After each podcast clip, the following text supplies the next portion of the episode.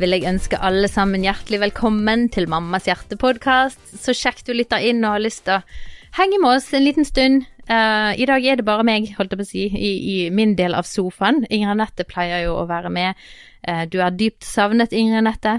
Men i dag så hoppet jeg på en hest som kom løpende forbi, og da måtte jeg være nødt til Og det, det er ikke helt Jeg er jo så heldig og privilegert at jeg får lov å jobbe med dette, og jeg har frikjøpt tid på dagtid til å, å møte mennesker, til å snakke med de, og, og, jeg vil bare takke Tro Media for at jeg får lov til å, å være frikjøpt til å gjøre disse tingene. Men Inger Nette, hun jobber jo i kommunen og, og, er så flink og styrer på og bygger veier og fikser veier.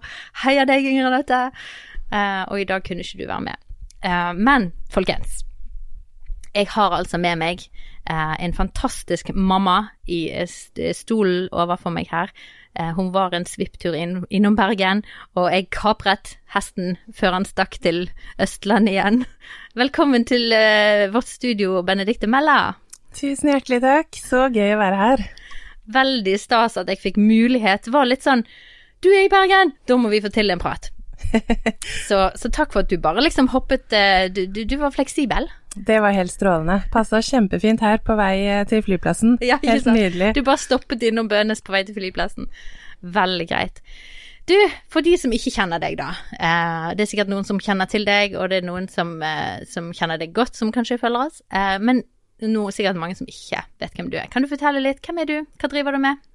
Ja, det kan jeg prøve på. Jeg er jo, som du sa, en mamma til tre skjønne barn på eh, ni og snart åtte og snart fem.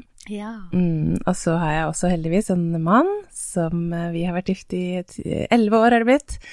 Eh, jeg kommer fra Hamar og har vokst opp der, og nå bor jeg i Oslo og har bodd i Oslo ca. like lenge som jeg bodde i Hamar. Så halve livet på hvert av de to stedene.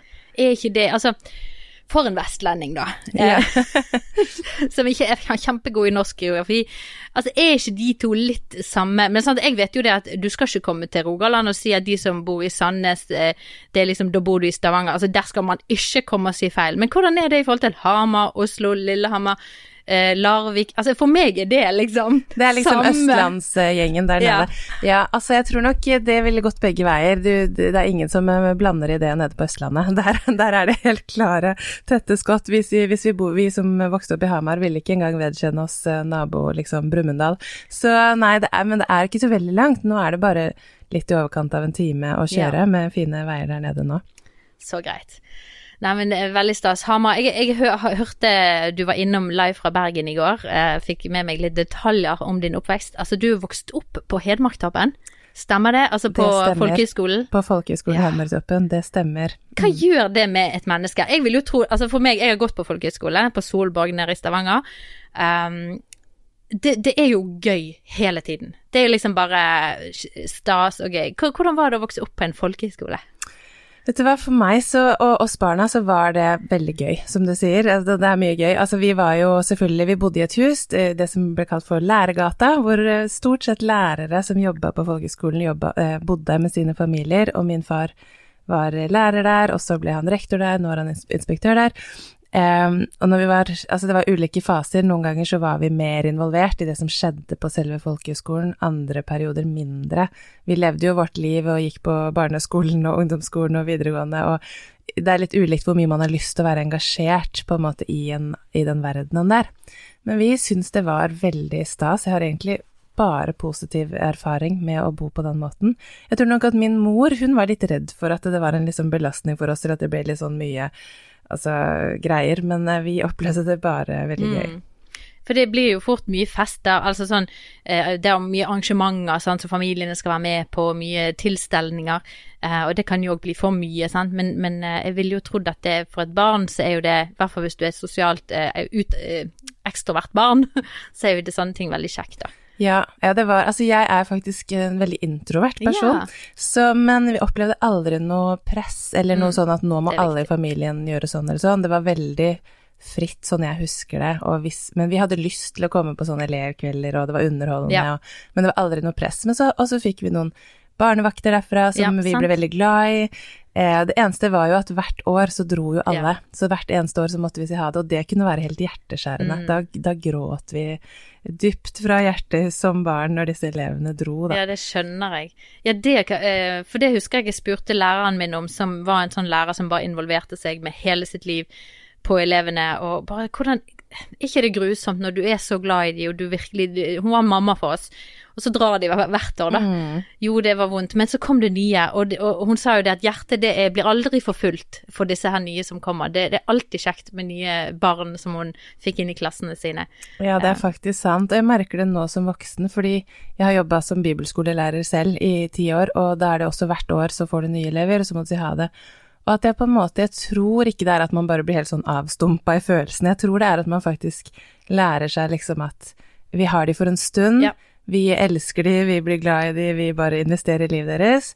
Og så er det liksom eh, ikke så veldig dyp sorg på en måte, ikke sånn at vi ikke er glad i de, men bare sender vi det videre og lykke til eh, på ferden, og det, og det går bra, liksom. Mm. Ja, det er faktisk en viktig ting å lære seg dette med at For det er jo noen mennesker som du ikke alltid vil ha i livet ditt, men du, man kan sende de av gårde med en god Altså, det er vondt. Det er liksom Det er smertefullt. Jeg skulle ønske du kunne være her for alltid, men, men jeg, jeg slipper deg, og jeg sender deg av gårde. Jeg ønsker deg vel. Mm. Eh, og det er faktisk en litt sånn øvelse som kanskje er, er en god læring å ha med seg, da. Ja, faktisk. Jeg tror det kan være det, så lenge man kjenner etter at det ikke er at man ikke orker å føle noe fordi det er for vondt og de Ja. tingene der, men at man faktisk Ja, det er jo litt trist, og nå får ikke jeg sett deg så mye, men, men du skal ikke være her nå, og jeg vil at du skal være der hvor du skal være, og Ja. leve livet ditt. Veldig, veldig bra. Nei, men så, så eh, du vokste opp da i Hamar, så har du vært i Oslo, og det er der dere har bodd som familie i hovedsak. Eh, hva er det du har jobbet med, eller til type utdannelse, da? Eh, jobb og utdannelseverden. Hvor er du i landskapet der? Ja, jeg, når jeg flytta til Oslo, så var det for å gå på bibelskole, så da gikk jeg i Philadelphia-kirken på bibelskolen der, og så begynte jeg å studere etter det, og da studerte jeg på universitetet, noe som heter kultur og kommunikasjon. Ja. Kjempespennende, ikke så veldig yrkesretta, litt sånn veldig bredt som er nyttig til mye, men ja, litt sånn hvitt. Passa meg fint. Eh, og så har jeg tatt litt teologi etter det. Men inni der så fikk jeg en eh, nakkesleng som var ganske sånn eh, alvorlig på den måten at jeg klarte ikke å studere, jeg måtte ta noen pauseår, var, var mye syk og sykemeldt, så utdanningsløpet på en måte tok litt lengre tid enn det jeg hadde tenkt. Og så jobba jeg bare litt på en barneskole, og så ble jeg spurt om å jobbe i bibelskolen der som jeg selv hadde gått en del år tidligere, i Philadelphia. Og da eh, ble det på en måte min arbeidsplass de neste ti årene. Mm. Så det har vært eh, den eh, formelle yrkeskarrieren. ja. Hva var det, det som var ditt hovedtematikk på bibelskolen når du underviser der? Det var nok eh, bønn. Mm. Eh, også vi hadde et sånt bønnehus der, så jeg jobba både med bønnehuset og underviste i det som har med bønn å gjøre, og lovsang, tilbedelse. Eh, også etter hvert også en god del flere temaer, som eh, indre helbredelse, eh, Guds, høre Guds stemme, Guds fars hjerte, en del sånne temaer som kanskje er litt mer sånn Handler litt mer om eh, forholdet mellom oss og Gud, eller relasjonelle biten, enn kanskje det som er direkte sånn bibelbokundervisning. Ja. Mm. Relasjonen. Ja. Å, så fint. Mye av det samme jeg underviser Mm. på vår bibelskole her. Um, hva vil du si eh, med bibelskole, da? Hva er poenget med å gå på bibelskole? Eh, Jeg tenker jo at det er veldig mange som vokser opp sånn, som vil skynde seg ut i studielivet, og de vil komme seg inn og få den der jobben som de vil ha, og hva er poenget med å ta det der året? Kaste vekk både penger og tid eh, på et bibelskoleår, liksom. Mm, ja. Altså, jeg opplever at man utvikler seg så mye som menneske, både bare i sin personlighet. På en måte så er det noen av de samme, sånn som å gå på en folkehøyskole, altså du bare fokuserer mye på hvem du er som menneske, eh, vokser i din karakter, eh, inn i det voksne livet med liksom hjelp og veiledning av gode mennesker rundt deg. Og så, akkurat på bibelskole, så er det jo også veldig fokus på at du skal lære mer om Gud, og eh, kunne forholde deg til Gud, utvikle relasjonen med Han. Em, kanskje det er ting man trenger å ta tak i som man bare har vokst opp i, som man ikke egentlig vet om man dro på, eller hva er det man egentlig tror. Få litt mer innsikt i Bibelen. Så jeg tenker at em, for meg så tenker jeg det er veldig mye utbytte, en veldig god investering, fordi at det bygger et sånn godt grunnlag for eh, videre liv, da. Litt selvutvikling, kanskje. Mm, absolutt. Kan man gå på bibelskole og ikke tro eller være kristen? Ja, det kan man jo, og vi har hatt flere elever som har vært der og ikke har visst om de har trodd, eller som vi har til og med hatt noen som har hatt en annen religion, som har vært på bibelskole, men egentlig ja, ikke har trodd på Bibelens uh, gud.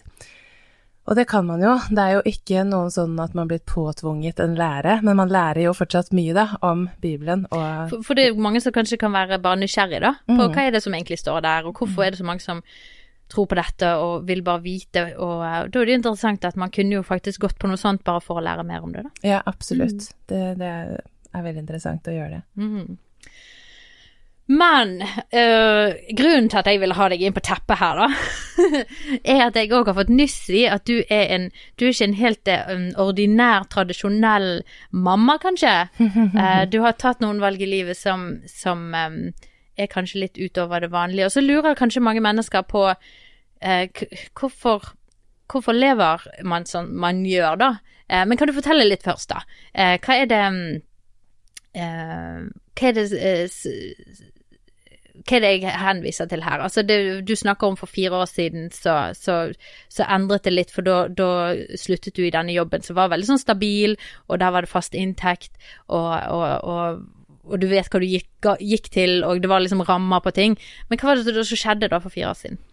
Ja, eh, det stemmer det, at det skjedde noen forandringer da, og som sagt så hadde jeg jo vært da i en eh, Det er jo en sånn kristen jobb, men det var veldig stabil og trygg og full lønn og alt det der. Eh, og med en familie, vi er en familie på fem og bor i Oslo, og vi opplevde det som at det var så vidt det på en måte gikk bra økonomisk da, når vi begge var i full jobb. Og, eh, men så Egentlig hver gang jeg har vært i mammapermisjon, så har jeg på en måte hatt en liten sånn sjekk, på en måte sånn skal jeg tilbake i jobb, hvordan blir det etter dette? Det er uansett en sånn brekk fra mm. sånn som livet har vært. Men eh, de to første barna, så var det litt sånn ja, nei, men eh, vi skal tilbake og kjøre på, liksom. Mens dette her var når jeg gikk med minste gutt, og um, da følte jeg bare at uh, nå skal jeg ikke tilbake til mm. jobb etter det her, nå blir det et skifte. Og så leda det egentlig til en sånn eh, at jeg bare tenkte at jeg skulle si opp. Og det var jo ikke noe veldig uh, naturlig tanke sånn økonomisk eller praktisk, men jeg fortalte det til mannen min, og han var faktisk enig i det, selv om uh, han er også en fornuftig mann som ikke tenker at det går kjempefint uten lønn. Um, så det, det, ble at jeg sa fra deg i mammapermisjonen at jeg ikke kom tilbake etter permisjonstiden. Og så, når jeg da på en måte gikk der og visste ikke helt hva som skulle skje, så opplevde jeg egentlig sånn at eh, når jeg ba, når jeg brukte tid med Gud, så var det akkurat som en sånn trygghet i at jeg ikke skulle bare søke en annen jobb og på en måte finne på noe nytt, men at jeg skulle vente, liksom, eller jeg skulle bare, ja, avvente. Eh, og det gjorde jeg, og Men når du gikk da sånn, hadde du noen tanker eller frykt eller bekymring da? For det er jo mange ting som Ja, men hva med liksom de månedlige ditten datten? Ja, men ungene, sant, han skal jo snart i barnehage, og da blir det enda dyrere.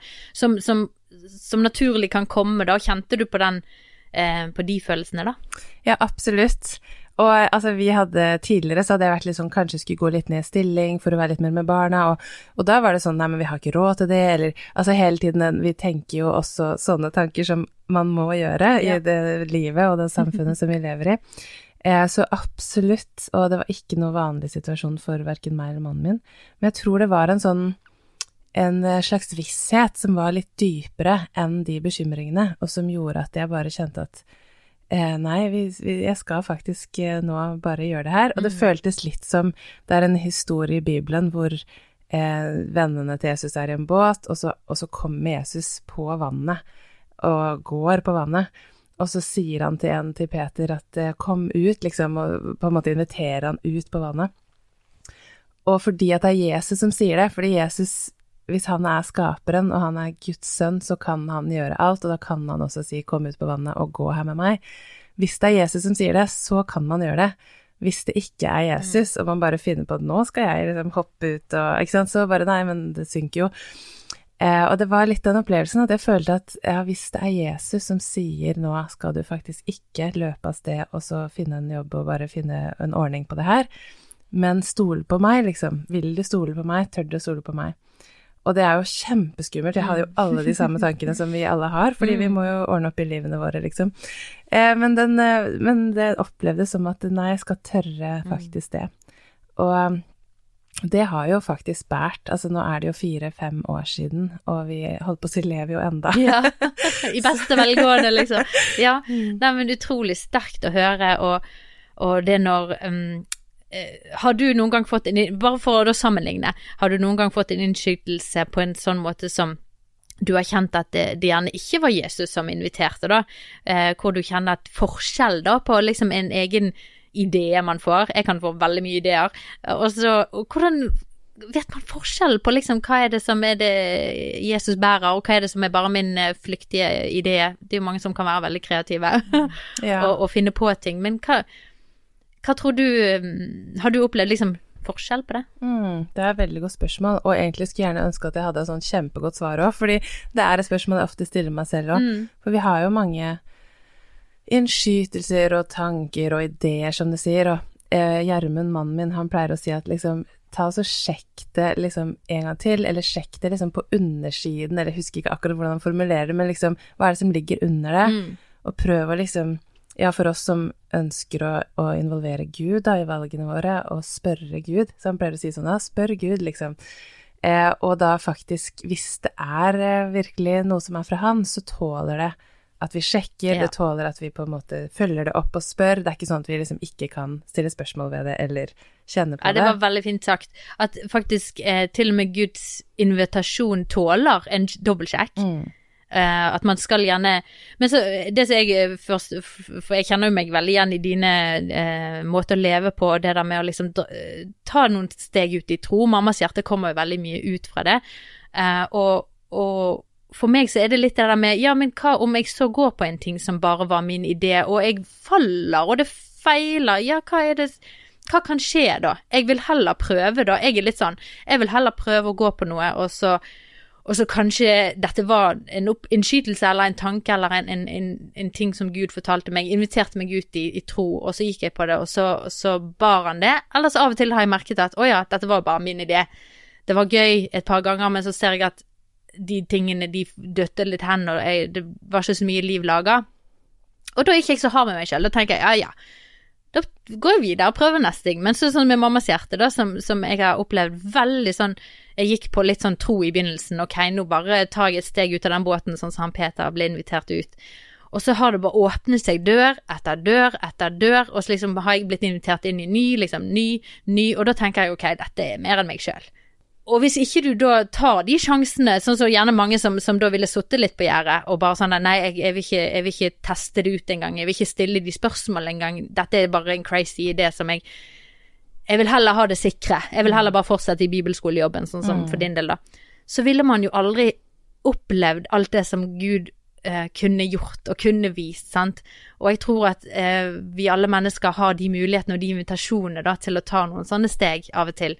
Um, så ja, nei, men jeg syns det var utrolig fint beskrevet av deg. Um, så da har jo du liksom de siste årene levd litt i tro, som vi kaller det for. Eh, hva, hva, betyr det? ja. ja. det er jo litt morsomt begrep. Å ja. leve i tro sier vi ofte når det er noe økonomisk involvert. Ja. Og det er jo litt sånn morsomt på en måte, fordi at hvis man først er en som tror på Gud, mm. så er det jo egentlig at vi lever jo i tro på alle områder av livet uansett. Så men akkurat når man tar noen sånne valg når det gjelder økonomisk, at man ikke har en økonomisk sikkerhet, så sier vi ofte der at vi lever i tro.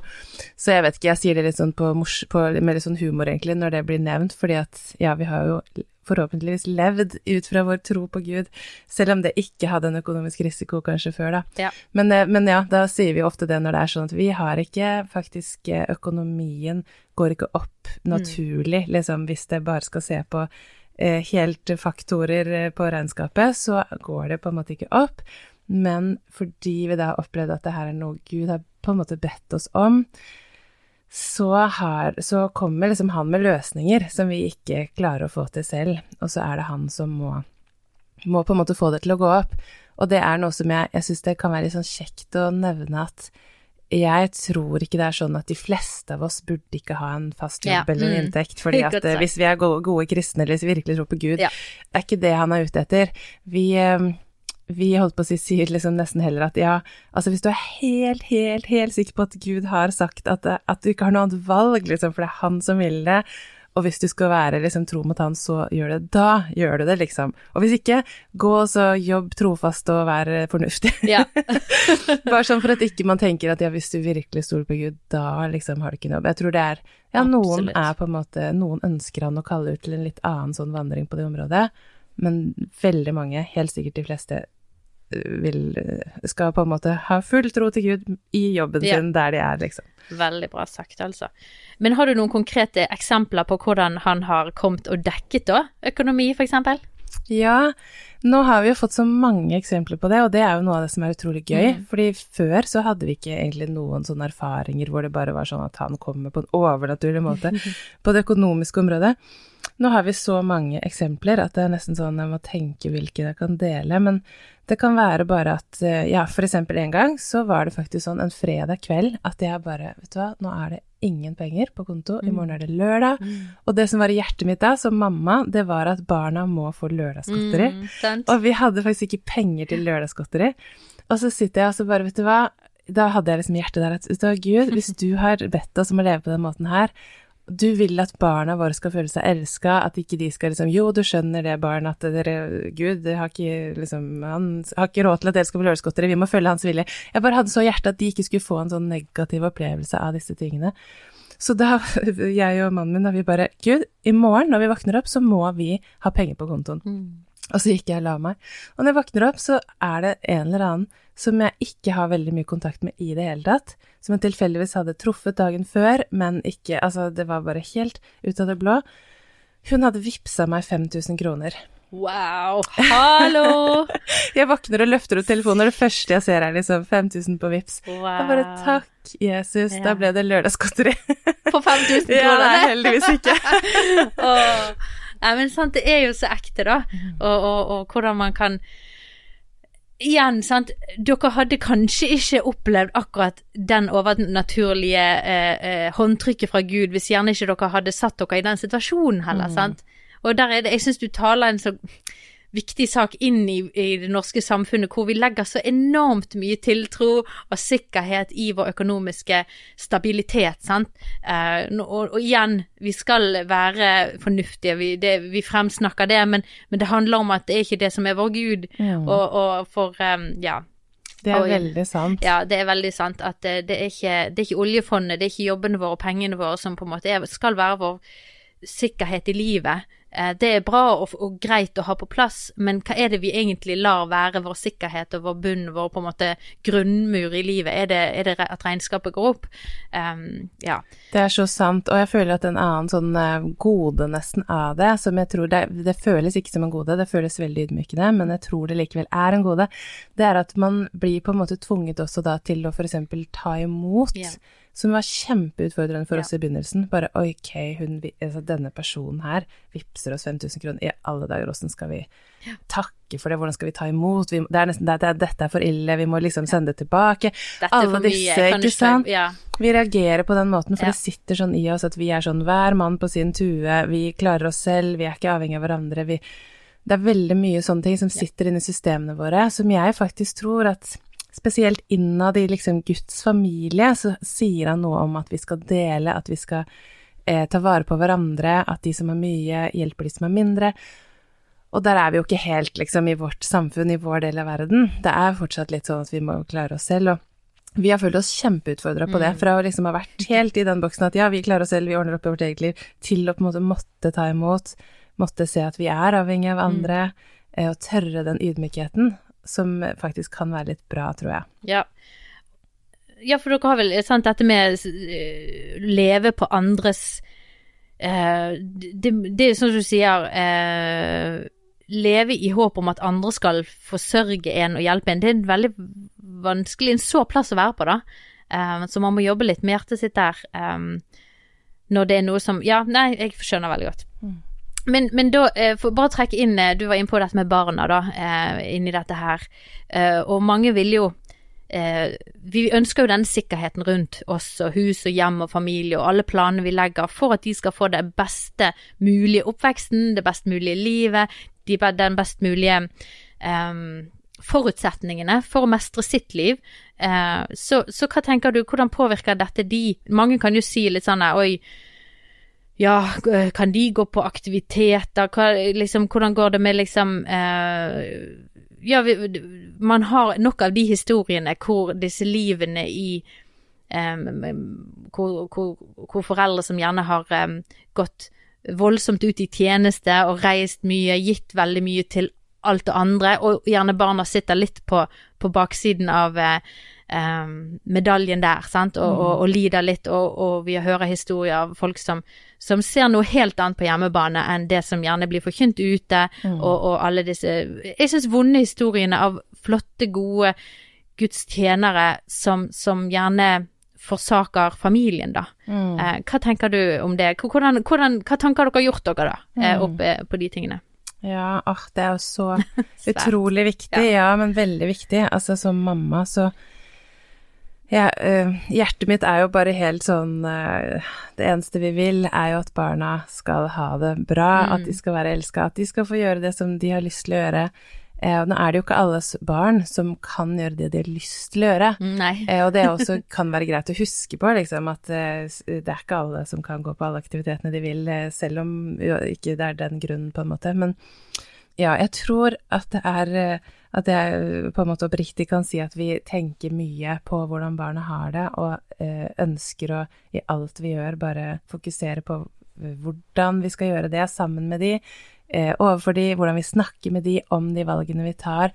Jeg føler at veldig mange av de valgene vi tar, så handler det mye om å snakke mye med barna om, mm. om eh, det som vi tror på, om hvordan vi tenker om ting. Eh, når det gjelder akkurat det økonomiske, så har vi ikke snakka så mye med barna om det, fordi der, de er såpass små at der kjenner vi at eh, det har ikke vært nødvendig, sånn vi har opplevd det, å fortelle de at Eh, vi på en måte lever akkurat på denne måten, eller forklare de konseptene der for barna. Nei.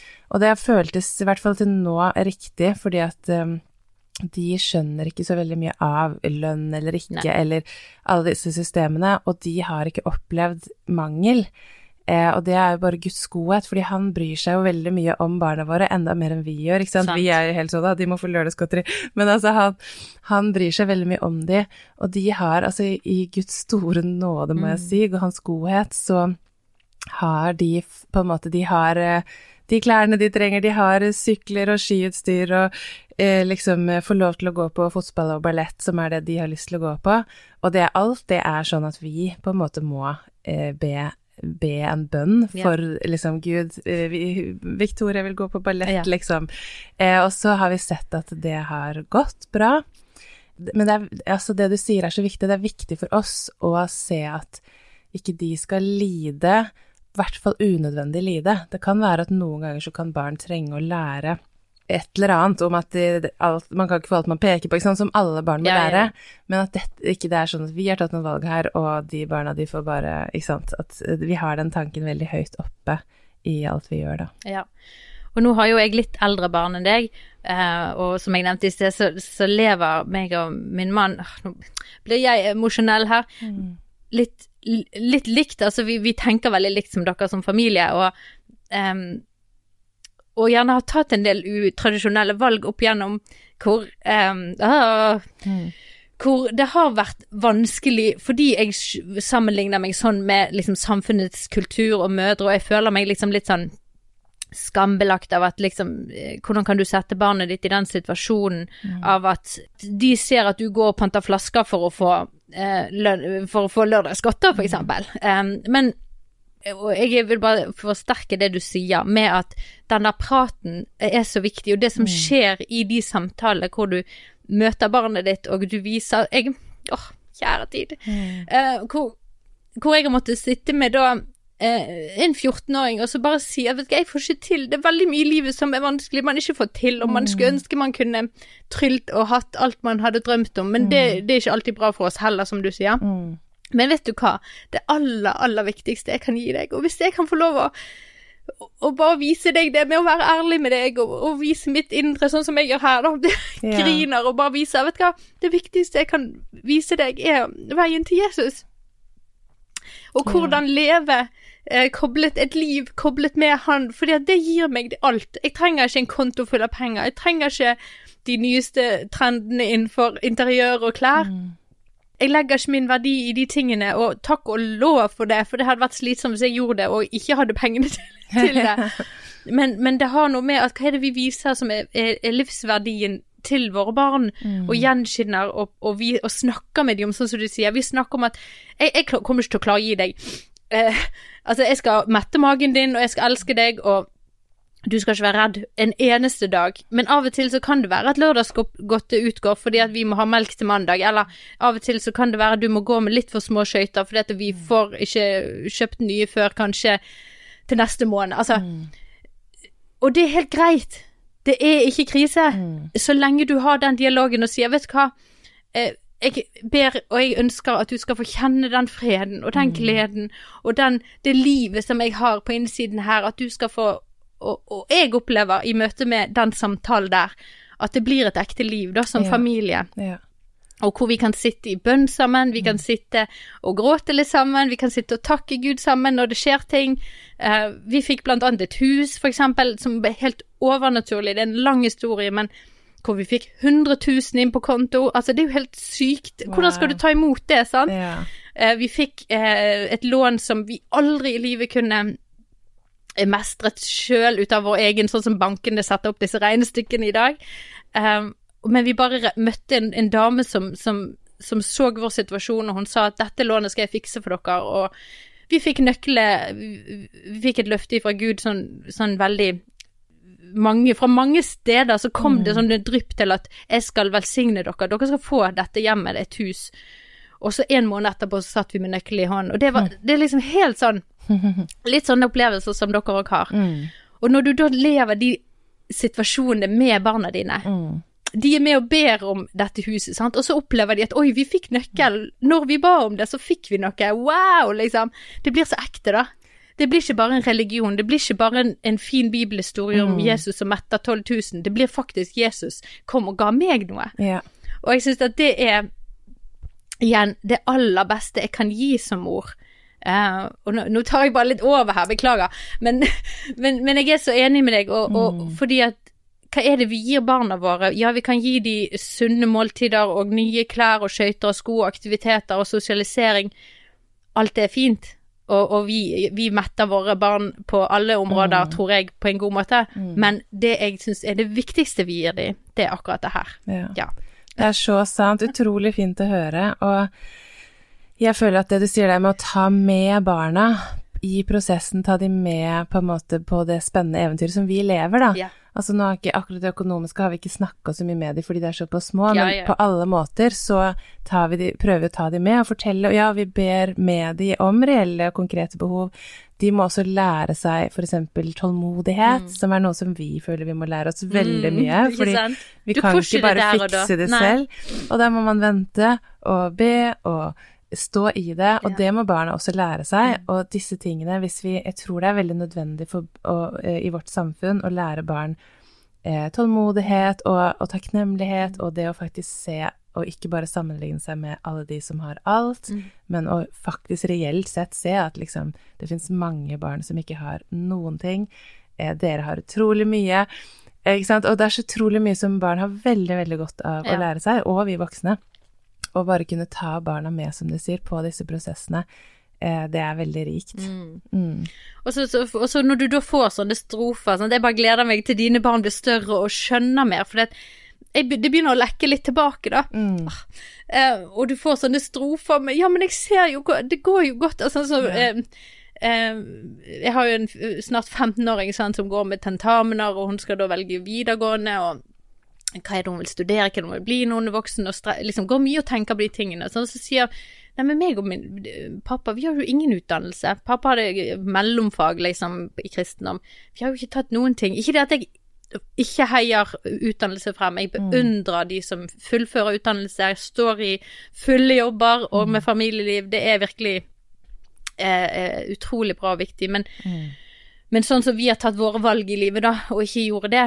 Eh, og så kommer da 14-åringen og ser på livet vårt fra innsiden, og så sier hun da Ja, men jeg ser jo at det går godt med deg. Jeg ser jo at vi har jo det bra, unnskyld, nå begynner jeg igjen. Men da, det betyr så mye, for det er jo fra noen som lever i det, da.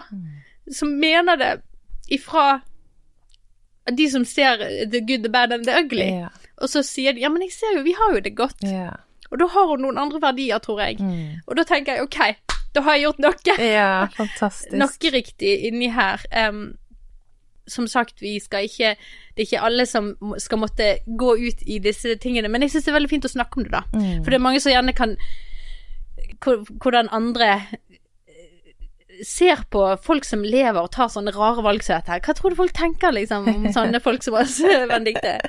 Ja, altså det er jo, som du sier, det er jo eh, Vi er kanskje ikke nå Vi får si vi nå her med litt Ja. felles erfaringer. Vi er jo ikke kanskje den der standard eh, Mm. som alle liksom Ja, sånn er det. Men jeg tror at eh, vi kan tørre, at det er sunt å tørre å utfordre litt det som er liksom standard. Det som er sånn her må du leve livet ditt, for dette er pakka. Og hvis du ikke gjør det, så er det dårlig, eller da er du uansvarlig, eller da Mm. er du et eller annet. Bare Jeg tror faktisk ikke at det er sånn at eh, det er den optimale pakka for, for alle mennesker, og det er det som er et godt liv. Mm. Det er faktisk eh, Det er det litt sunt å la seg utfordre på. Yes, og at det faktisk er mulig å komme på på utsiden av den der boksen der.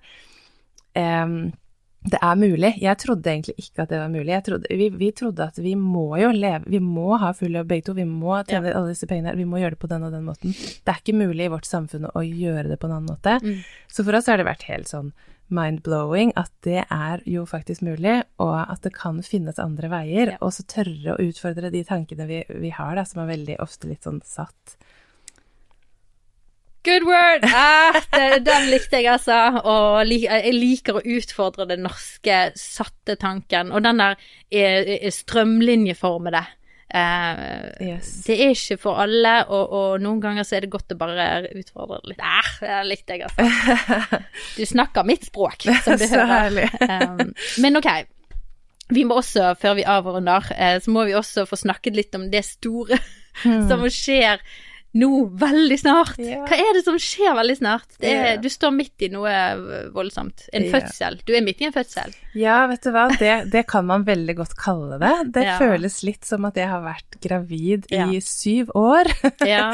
og endelig er det tid. Faktisk så er det et veldig godt bilde, eh, fordi at jeg fikk en eh, visjon for syv år siden.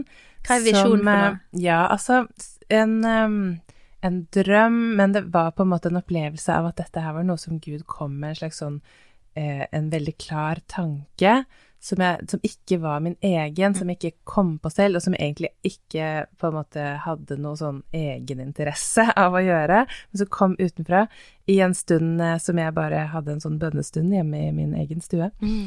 Og det var å liksom samle em, folket, eh, det er jo litt sånn uklart begrep, men eh, innenfor Gud i Vikingskipet, som er en stor olympisk arena Mm. på Hamar, der jeg kommer fra faktisk, um, og at det handla om at det var litt sånn den følelsen av at det kommer liksom en tid som eh, gjør at vi trenger å Mm. være sterke i vår tro, vi trenger å være sterke i hvem, vi, hvem Gud sier at vi er, og vi trenger å vite hva han har kalt oss til, eller hvilken rolle han har ment at eh, vi skal ha i den tiden.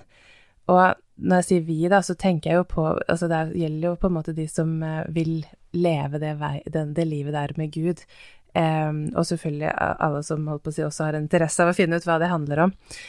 Eh, så det var en veldig sånn konkret litt sånn oppskrift, og på en måte OK, samles i vikingskipet, liksom. Em, og det har det er mange sider av det, og det, mange, det har vært en veldig sånn lang reise med mye som jeg kunne ha sagt om det, men kort fortalt da, så har det vært da syv år hvor vi har vært, egentlig opplevd det såpass eh, sterkt at vi var helt sånn overbevist om at det her skal vi gjøre. Og så var vi liksom klar til å bare løpe på, men så har det jo ikke vært Det ble ikke helt sånn vi så det for oss. Men vi hadde planlagt å gjøre det i 2020, og da kom det jo en eh, global pandemi som gjorde at det ble litt eh, utsettelse. Og det var jo ganske Alt var klargjort. Mm. Det var ganske rett før. Mm. Eh, for da sto dere med planene klare, dere hadde leiet Vikingskipet, og, så, Mm. og folk var invitert. Jeg husker det var til og med ute med på si, påmeldinger, og Mm. hvor, hvor nærmt var det? Ja, jeg tror det var sånn cirka syv uker før, eller Ja. noe i den duren der. Og det var jo liksom den følelsen at det var på en måte på oppløpssida, det var liksom sprinten, nå er vi snart der. Og så skjer det noe som er det helt utenkelige, ikke sant. Eh, og vi hadde ja, nei, det var, det var, en lang historie, bare det, ikke sant, med de to årene. Hvordan man skal forholde seg til dette her, avvente og ikke. Ja. Eh, og vi hadde egentlig lagt det litt sånn nå, nå bare må vi vente og se, og liksom, ja. Så det var det nå ganske nylig, for noen få uker siden, at eh, det var en veldig sånn sterk opplevelse av at eh, Gud da i, igjen kommer på banen og bare eh, Jeg opplevde faktisk som at han sa at det som du har eh, venta på i syv år, vil jeg gjøre på syv uker. Mm. Og da var det syv uker til eh, palmehelgen, mm. som er det som, eh, som han, Jeg opplevde også at han sa at nå er Vikingskipet åpent i påska, eller palmehelgen. Eh, og det er det aldri, for det er alltid noe som heter The Gathering, som er en sånn gamingkonferanse mm. i Vikingskipet i påsken. Det har det vært siden jeg var liten. Altså det er, alltid, det er aldri ledig der da. Og så gikk jeg inn og sjekka, og så bare ah, de har avlyst. Og, men wow. Eh, restriksjonene var jo løfta, men de hadde avlyst, så det var det faktisk ledig, da. Så til sammen så ble det en veldig sånn konkret opplevelse eh, av at eh, det er riktig, vi skal gjøre det nå. Det er syv uker, ca. like lenge som vi hadde på en måte igjen da i 2020, men, så vi hadde en del forberedelser klare og alt sånn. Men likevel å løfte det, det, helt fra Det er mye arbeid som skal til for å sette alle de spillebrikkene i i sjakk igjen. Helt eh, klart. Eh, ja. Hvordan har det gått nå? Nå er du litt sånn halvveis midt i. Mm. Jo, det har, det har, vært egentlig utrolig spennende, utrolig gøy. Helt sånn skrekkslagen på en måte før vi satte ja. i gang, men så opplever vi at eh, folk bare catcher det. At det er akkurat som det er noe med tiden, at det er liksom en god tid for akkurat denne samlingen. Fordi at det, nå er det sånn at vi lever i en veldig usikker tid i verden. Eh, det har vi gjort de siste to årene. Nå gjør vi det på en måte på en litt ny måte, med ja. at det er krig i Europa. Eh, folk kjenner igjen det som egentlig for syv år siden kjente vi at Gud sa liksom at vi trenger å bli sikre på hvem vi er og hvordan vi skal leve og hva han har kalt oss til.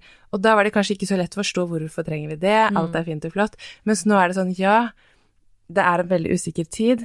Hvis vi som på en måte er troende, vi tror at vi har på en måte en rolle vi skal spille i eh, denne verden her, med å bringe Guds lys, Guds håp, at det finnes svar hos Han når det ikke finnes svar i strukturene eller i tryggheten i samfunnet rundt oss. Eh, og disse tingene gir liksom veldig mening akkurat nå for folk. Så det er litt sånn en slags opplevelse av at ja, det stemmer, vi trenger å komme sammen. Vi ja. trenger å minnes om hva Bibelen sier, hva Gud har kalt oss til. Eh, og vi trenger å på en måte få, bli litt sånn reist opp, børsta støvet av skuldrene og liksom Ja, vi er her, virkelig. Vi er til stede for denne tiden her. Vi er eh, våken og klar. Nettopp. Ja. Akkurat det. Så, så bra. Så da blir det One Thing yes. Europe i uh, Vikingskipet, da palmehelgen. Det stemmer. Fantastisk. Det stemmer. Og hva er One Thing? Hva er det den Altså det er 48 timer, mm. uh, hvor det er ganske fullspekket program, vil jeg tro. Hva er det som skal skje de 48 timene? Ja, så det er 48 timer fra fredag 8. april til søndag 10. april. Og hele den tiden så blir det eh, live lovsang, altså musikk og sang, gjennom alle timene, også om natta. Så man kan, hvis man vil, så kan man jo bare bli der inne i de 48 timene og bare oppleve, tror jeg, en helt fantastisk eh, ja, gudsnærvær, en stund der innenfor mm. Han. Men det blir jo noen hovedmøter som vi tenker at de fleste vil jo komme og gå litt ut fra det, og da er det liksom begynner vi fredag kveld med et fantastisk møte der, og så er det lørdag på dagtid, lørdag på kveld, og så søndag på dagtid. Eh, hvor vi også, i tillegg til å ha masse tilbedelse, så vil det også bli eh, undervisning og eh, bønn. Og ja, eh, god tid, godt med rom for å virkelig få brukt tid med hverandre og innenfor Gud, sånn at han også kan få komme og gjøre det som han mm. har planlagt, da. Fantastisk, altså at det, at det, er noen som går foran og gir mulighet for en sånn samling. Det, er, det tror jeg er, er, viktig og godt for at Guds folk, som vi da kaller oss som er kristne og tror, til å komme sammen på den måten er, er, veldig viktig og veldig bra i en sånn tid som dette. Men det vil jo være Jeg hørte òg du fortalte litt om at det kommer til å være litt for barn også, så man kan komme som familie og, og litt, gå litt til og fra. Kanskje gå litt sånn på skift, at den ene er inne og den andre ja, ja, ikke sant? Ikke sant? Fordi at vi Eh, vi har ikke et sånn barnepass, holdt jeg på å si. Det blir ikke liksom søndagsskole hvor man kan levere barna. Det har vi ikke heller kapasitet til på denne varselet her. Men vi har eh, gøye områder for barn. Sånn eget telt på utsiden med aktiviteter og sånn, og hoppeslott, litt sånne ting. Sånn at barna kan gjerne få lov til å være en del inne og være en del av det store fellesskapet, særlig når det er musikk og sang og sånn, så er det jo veldig enkelt. Det er et veldig stort rom. Folk, barna kan få plass der til å bevege seg, og du må ikke sitte pent og være musestille. Mm. Men når det er snakking og sånn, så er det jo ofte litt ja. krevende for oss foreldre med å ha barn som sitter og skravler og bråker og sånn. Og da kan det være kjekt at det fins områder der som er gøye for barna, hvor de kan gå og leke. Eh, kanskje man kan bytte litt på, som du sier, og følge de, eller at man slår seg sammen med noen som tar med seg en liten gjeng med unger og, og følger litt med på de. Så det er veldig, veldig velkomment at alle generasjoner kommer, fra de aller minste til eh, selvfølgelig de unge og unge voksne, som vi føler er liksom midt i målgruppa, mm. men også eh, foreldre, besteforeldre. Vi, vi, ønsker faktisk at det er en sånn flergenerasjonssamling. Ja. Så bra. Blir det servering? Det er mulighet for å kjøpe litt mat og Ja, det er mulighet. Kaffe, Kaffe er det selvfølgelig ja. strie strømmer av. det må det være. I hvert fall når du skal være der i 48 ikke timer. Ikke sant. Det, det, det, er veldig mye kaffe. Ja. Og så er det eh, selvfølgelig mulighet for å kjøpe mat der i Vikingskipet, og så er det veldig kort inn til Hamar sentrum hvor det finnes masse muligheter. Eh, vi har faktisk også lagt til rette for, for dette her er midt i fastetiden til kirkeåret. Så eh, en del er det faktisk som faster, og så ønsker vi å legge til rette for at det kan man fortsette med. Men en del kan kanskje faster på den måten at de spiser bare f.eks. grønnsaker, bare frukt. Så det blir også salg av liksom sånne holdt på å si grønnsaksretter, ja. ting som er liksom enkelt for de som eh, ønsker det, da. Ja, så bra. Alt er tenkt på her, hører jeg. altså, men eh, koster dette noe? Ja, det gjør det.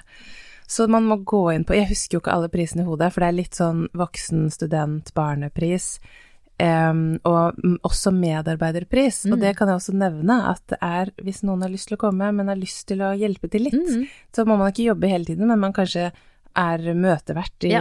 en periode, eller man tar en liten økt i registreringsbua.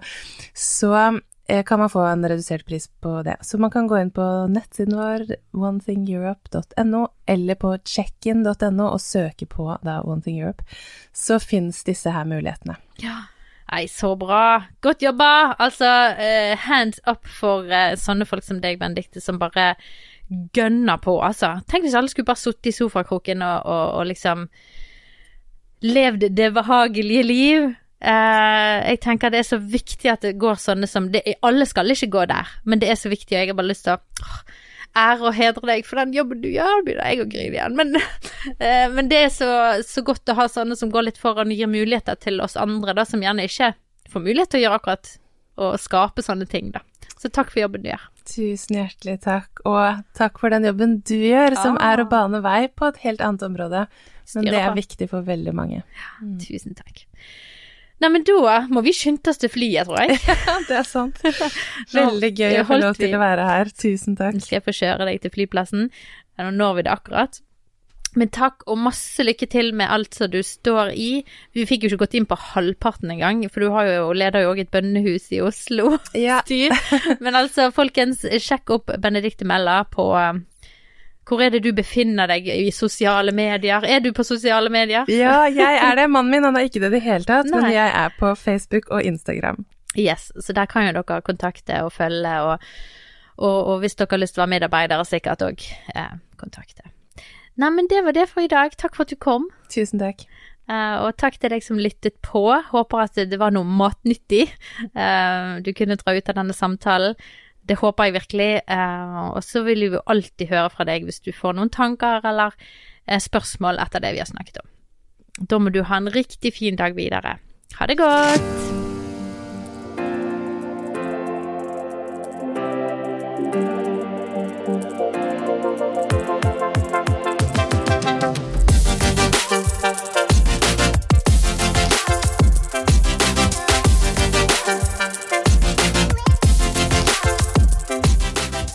du har tilbakemeldinger, tanker eller spørsmål etter det vi har snakket om i dag, så skriv inn til post alfakrøllmammashjerte.no Vi svarer alle mail. For å lære mer om Mammas hjerte kan du besøke vår nettside mammashjerte.no.